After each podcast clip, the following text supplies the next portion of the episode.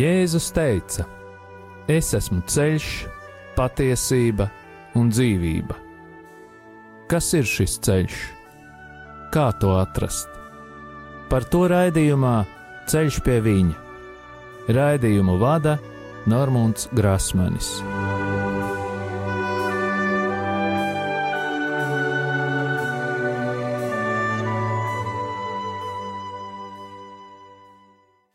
Lai ir slavēts Jēzus Kristus. Atkal ir piekdiena, un radio Marija ēterā izskan raidījums Ceļš pie viņa. Pie radio pults esmu es, Normons Grasmanis.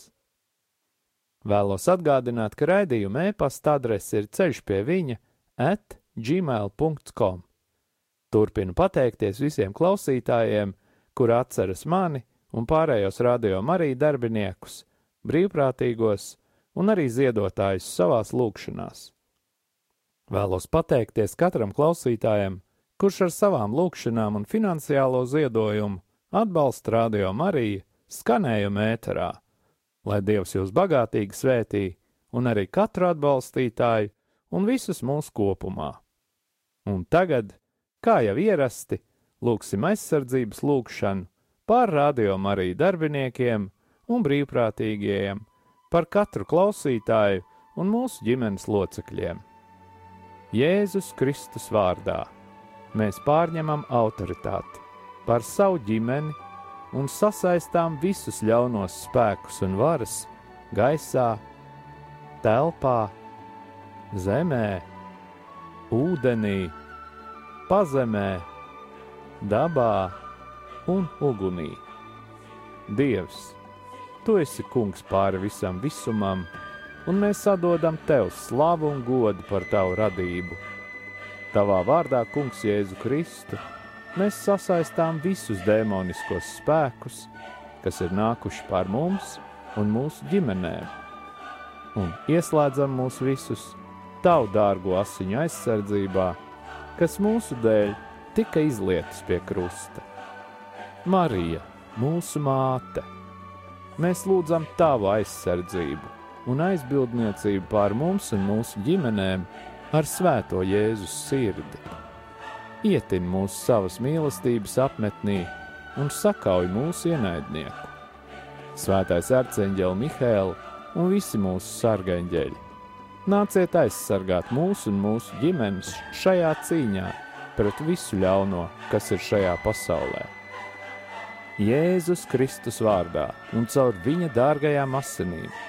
Mēs sasaistām visas ļaunuma varas un pavēlam tām atkāpties šajā brīdī no mums, mūsu mājām un mūsu zemes. Mēs pateicamies Tev, Kungs, Jēzu, jo Tu esi taisnīgs un līdzjūtīgs Dievs. Āmen! Jēzus Kristus vārdā un viņa krusta un viņa izlieto asiņu spēkā mēs sasaistām jebkura ļaunuma varas spēku garus un pavēlam tiem, lai tie nebloķē mūsu lūgšanas. Mēs salaužam jebkurus lāstus, burvestības, kas ir vērsti pret mums, padarot tos tukšus un bezspēcīgus. Mēs salaužam jebkuru uzdevumu, kas ir dots jebkādiem gariem, kas vērsti pret mums, un sūtām viņus pie Jēzus, lai viņš dara ar tiem, ko vien vēlas. Kungs, mēs lūdzam, lai tu svētī mūsu ienaidniekus, sūtot savu svēto garu pār tiem, lai vadītu viņus uz grēku nožēlu un atgriešanos. Mēs pārcērtam jebkādas saites un saziņu ļauno garu pasaulē, kas ietekmē mūsu un mūsu lūgšanu.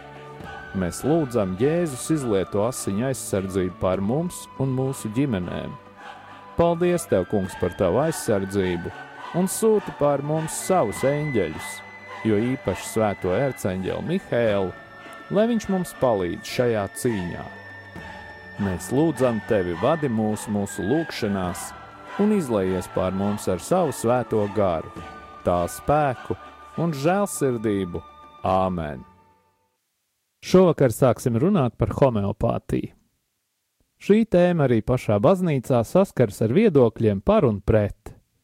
Mans uzdevums šajā un nākošajā raidījumā ir nevis iestāties par vai pret, bet varbūt nodot jūsu izvērtēšanai faktus par homeopātijas veidošanos un tās radītāju. Ja ieskatāmies homeopātiskajā aptiekā, tad ne katras zāles, kuras tur ir nopērkamas, ir homeopātiskas.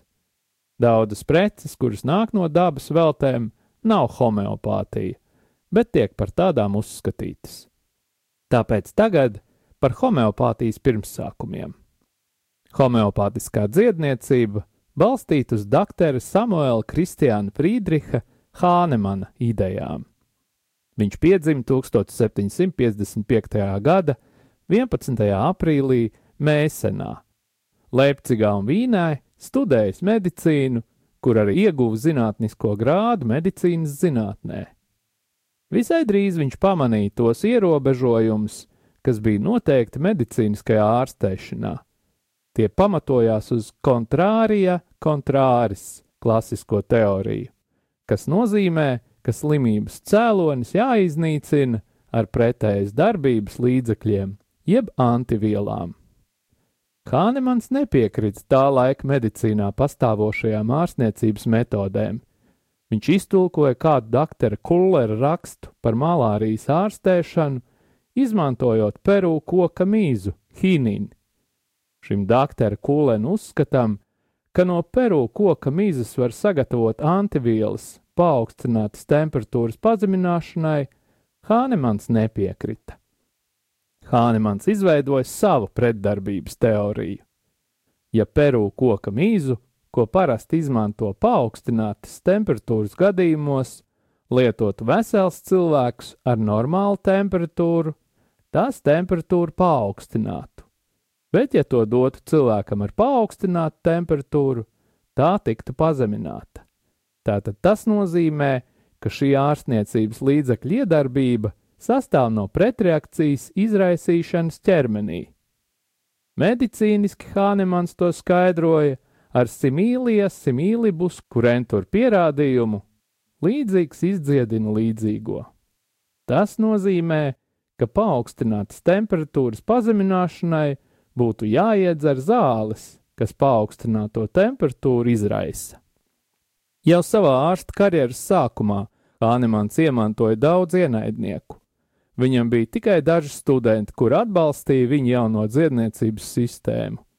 Viņus piesaistīja higiēniskie veselību uzlabojošie ieteikumi, ievērot diētu, maltītais izvēlēties organismam derīgos produktus, ikdienā rūpēties par savas miesas tīrību un mājokļa kārtību. Tolaik abi iepriekšējie ierosinājumi bija jauns koncepts alternatīvajā medicīnā.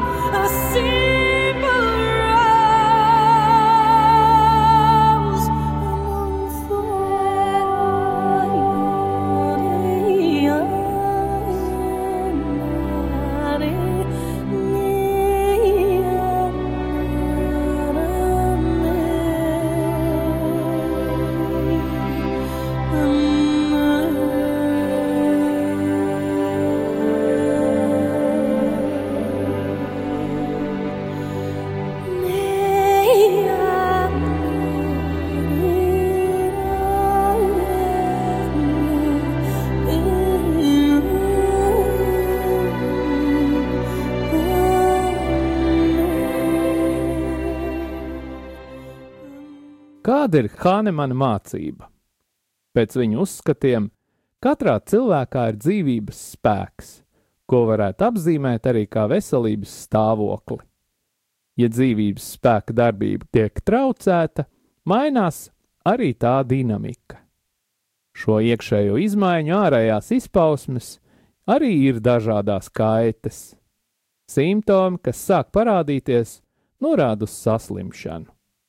Pēc Hānemana domām, akūtas saslimšanas neeksistē, bet viņš ievēroja, ka asie simptomi ir tikai aizberga redzamā daļa.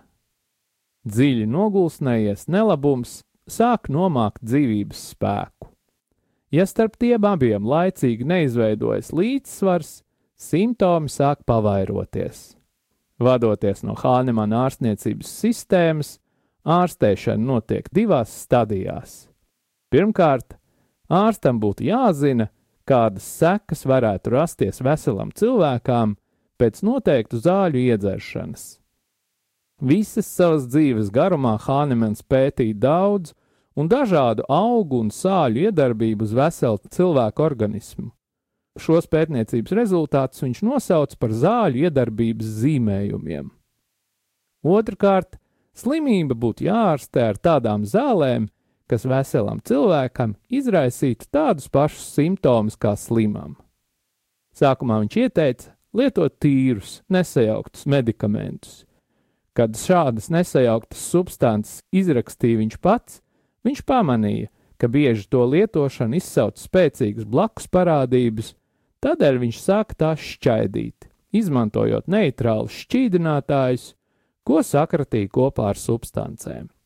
Viņš ir sarakstījis dažas grāmatas, no kurām lielāko ievērību gūst grāmata medicīnas organons. Tajā Hānemans izskaidroja savu teoriju, kura nesaskanēja ar tajā laikā pieņemto klasisko medicīnu.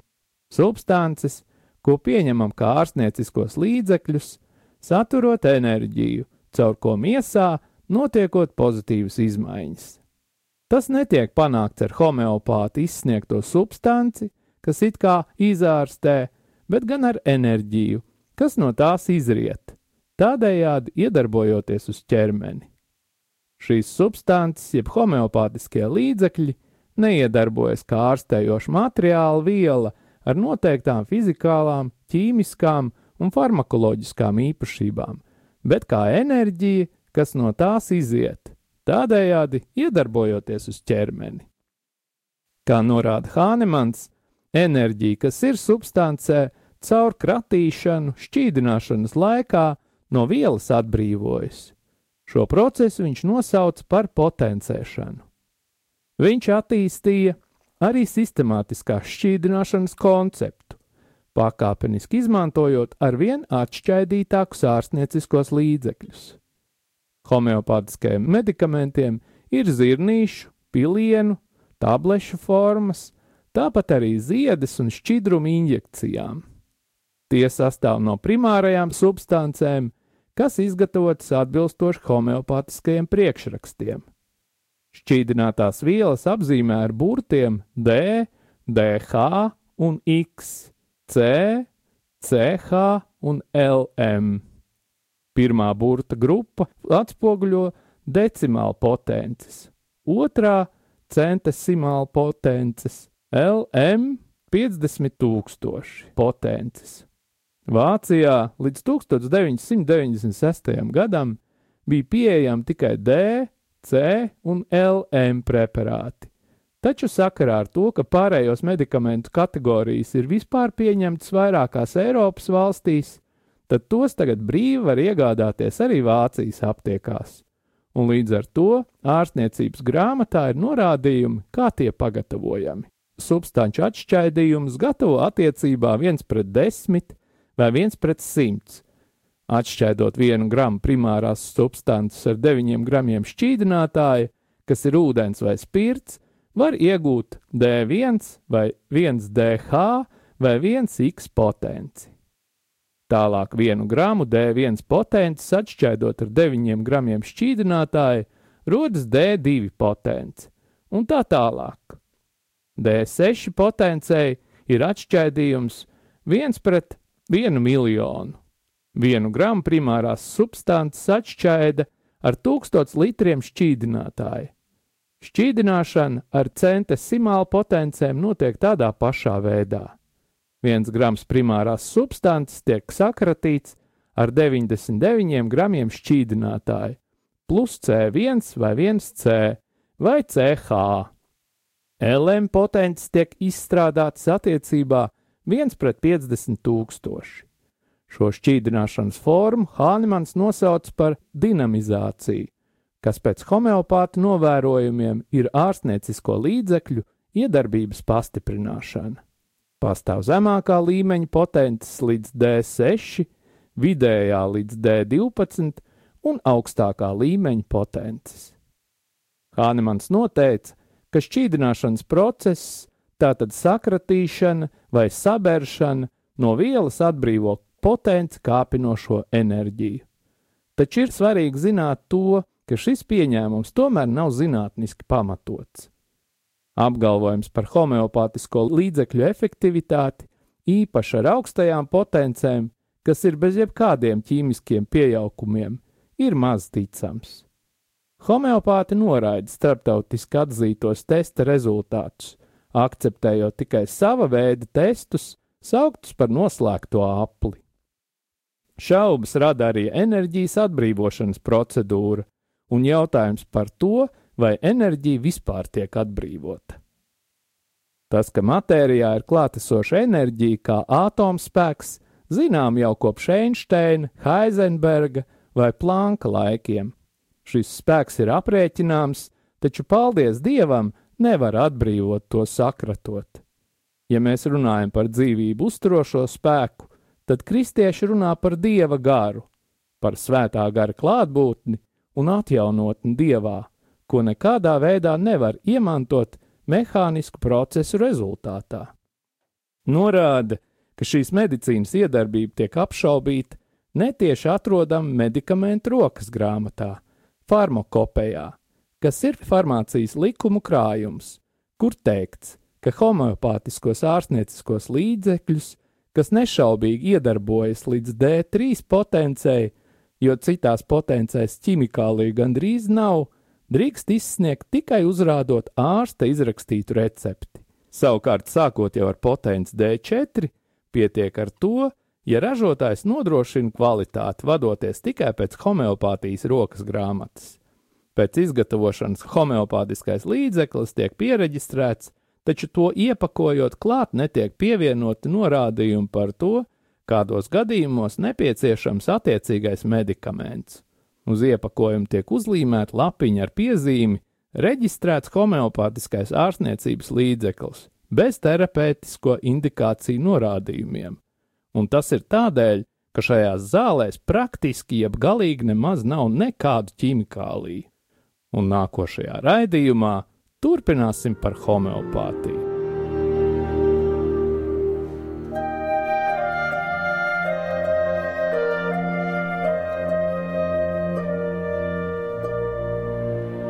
I walk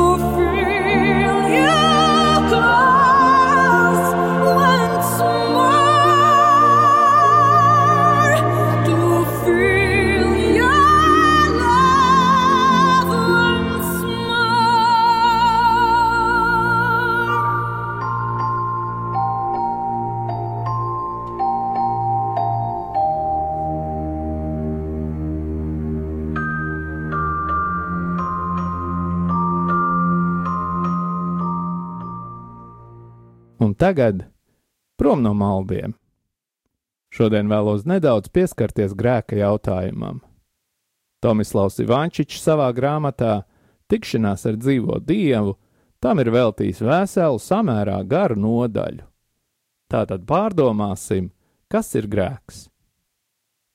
Par grēku sauc ļaunumu, ko cilvēks izdara vispirms savās attiecībās ar Dievu, un tad arī attiecībās ar citiem cilvēkiem. Tā kā grēks primāri ir cilvēka nodarījums pret Dievu, tikai Dievs to var piedot. Tāpēc grēks ir reliģisks jēdziens. Parasti ar to saprot vainu, pārkāpumu. Precīzāk var sacīt, ka tas ir pārkāpums, par ko cilvēks jūtas atbildīgs savas sirdsapziņas priekšā. Tomēr grēks ir kaut kas vairāk, jo arī ļaunums, par kuru cilvēks nav pilnībā atbildīgs, ir grēks. Ja kāds negribot netīšām nogalina otru cilvēku, viņš nav vainīgs, jo izdarījis to bez nodoma. Taču tas ir kaut kas ļauns, tas ir grēks. Šis nodarījums ir objektīvs, ļaunums bez subjektīvas vainas. Tātad grēka jēdziens ietver plašāku jomu nekā vaina. Ja mēs aplūkojam metafiziski no filozofijas skatu punkta, grēks ir labā trūkums kur būtu jābūt kaut kam labam, skaistam un vērtīgam, taču nav. Tur ir grēks. Grēks ir trūkums, kas saistīts ar pārkāpumu. Dievā, kā absolūtā esamībā, šāds trūkums ir neiespējams. Dievam nav grēka, jo viņā nav trūkumu. Viņš ir esamības pilnība, absolūtā eksistence. Viss pārējais ir relatīvs, tātad pastāv vien tik tālu, cik paliek attiecībās vai saistībā ar Dievu. Itin viss par savu esamību ir pateicība parādā Dievam, pirmajai un absolūtajai būtnei. Bez viņa nav ne tapšanas, ne pastāvēšanas. No vienas puses attiecības ar Dievu eksistenciālas, bet no otras puses tās var ietiekties arī apziņā. Uz pirmā pamatiem pastāv viss, Tomēr apzinātas attiecības ar Dievu ir brīva, personiska atbildīga izvēle. Tā ir draudzība ar Dievu, no kuras atkarīga brīva, personiska un apzināta cilvēka eksistence. Tātad grēks nozīmē pārāvumu apzinātajā komunikācijā ar Dievu. Visu veidu komunikācijas pārāvums nozīmē nebūtību. Apzinātās komunikācijas pārāvums nozīmē, ka tiek bloķēti apzinātie personiskie procesi cilvēkā. Jebkurā gadījumā attiecību saraušana ar Dievu apdraud dzīvību. Ņemot vērā iepriekš teikto, ka dzīvība ir Dieva dāvana un Dieva darbs, dzīvības iznīcināšana ir Dieva darba iznīcināšana, un tādējādi ieved naidā ar Dievu. Tāpēc grēks ir uzbrukums Dievam un noziegums pret viņu. Taču kas ir svarīgi? Cilvēkam ir brīva izvēle arī pretoties dievam. Jērgensens uzskatām atklāja grēcīgā cilvēka situāciju stāstā par dumjo zirnekli. Kādu rītu zirneklis pamodās sliktā omā. Tas sāka pārbaudīt savu tīklu pavadienus. Visi bija glīti, nostiepti un derīgi savam uzdevumam.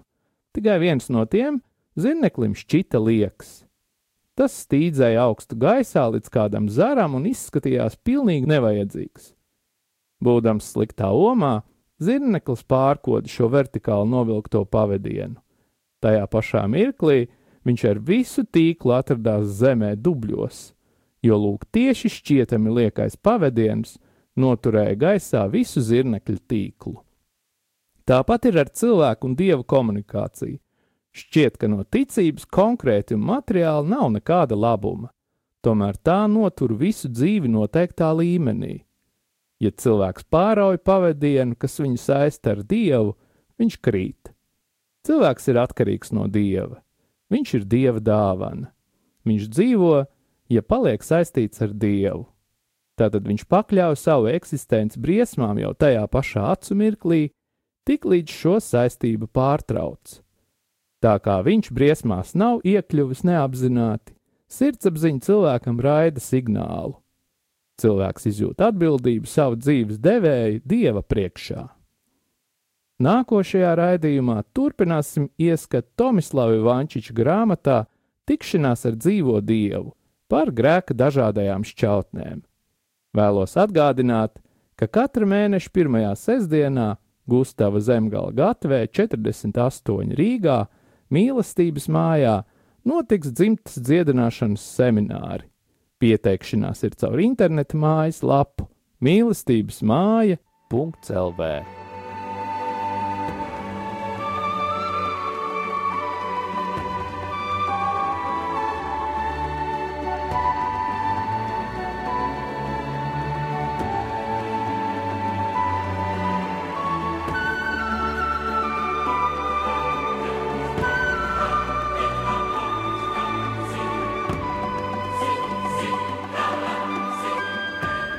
tagad mēs iestājamies lūgšanā pret sātanu sistēmu un tās darbībām mūsu ģimenēs, jo mums katram ir dota autoritāte lūgt šīs lūgšanas mūsu ģimenes sistēmas vārdā.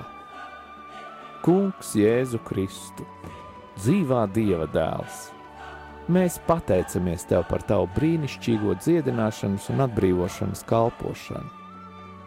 Pateicamies par Tevis veikto dziedināšanu un arī par tām, kuras tu turpināsi mūsu lūgšanu rezultātā.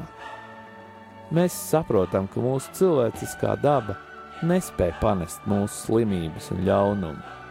Tādēļ lūdzu, attīri un šķīstī mūs no jebkādām skumjām, negativitātes, izmisuma, kuru mēs iespējams esam uzņēmuši. Ja mums ir bijis kārdinājums padoties dusmām, neiecietībai vai iekārai. Attīri mūs no šiem kārdinājumiem un aizstāj tos ar mīlestību, prieku un mieru. Ja mūs jau kādā veidā ir pārņēmis un nomācis kāds ļauns gars, Jēzus vārdā mēs tev tagad pavēlam aiziet zemes, gaisa, uguns vai ūdens gars, nāvis valstības vai dabas gars tieši pie Jēzus, un lai tiem notiek pēc viņa gribas. Nāc svētais gars, atjauno mūs, piepildi mūs atkal ar savu spēku, savu dzīvību un savu prieku. Stiprini mūs tur, kur jūtamies vāji, un apklāj mūs ar savu gaismu, piepildi mūs ar dzīvību. Marija, visu svētā māte, mūsu māte, Svētais erceņģeli Mihēl, mēs tev pateicamies par aizbildniecību. Kungs Jēzus lūdzu sūta savus svētos eņģeļus kalpot mums un mūsu ģimenēm, apsargāt un aizstāvēt mūs no visām slimībām, ievainojumiem un nelaimes gadījumiem. Lai mūsu ceļojumi ir droši, mēs tevi slavējam tagad un vienmēr.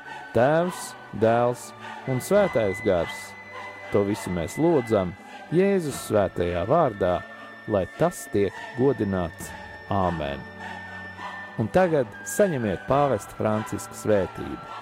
Kungs Jēzus Kristus, lai ir pār mums, lai mūs svētītu, lai ir pie mums, lai mūs pavadītu, un lai ir ar jums un mums, lai mūs aizsargātu, lai mūs svētītu Dievs Tēvs, Dēls un Svētais Gars lai asins un ūdens, kas izplūd no Jēzus Kristus sirds, izplūst pār mums un lai šķīstī, atbrīvo un dziedina. Saņemiet svēto garu, Dieva tēva, dēla un svētā gara vārdā - Āmen!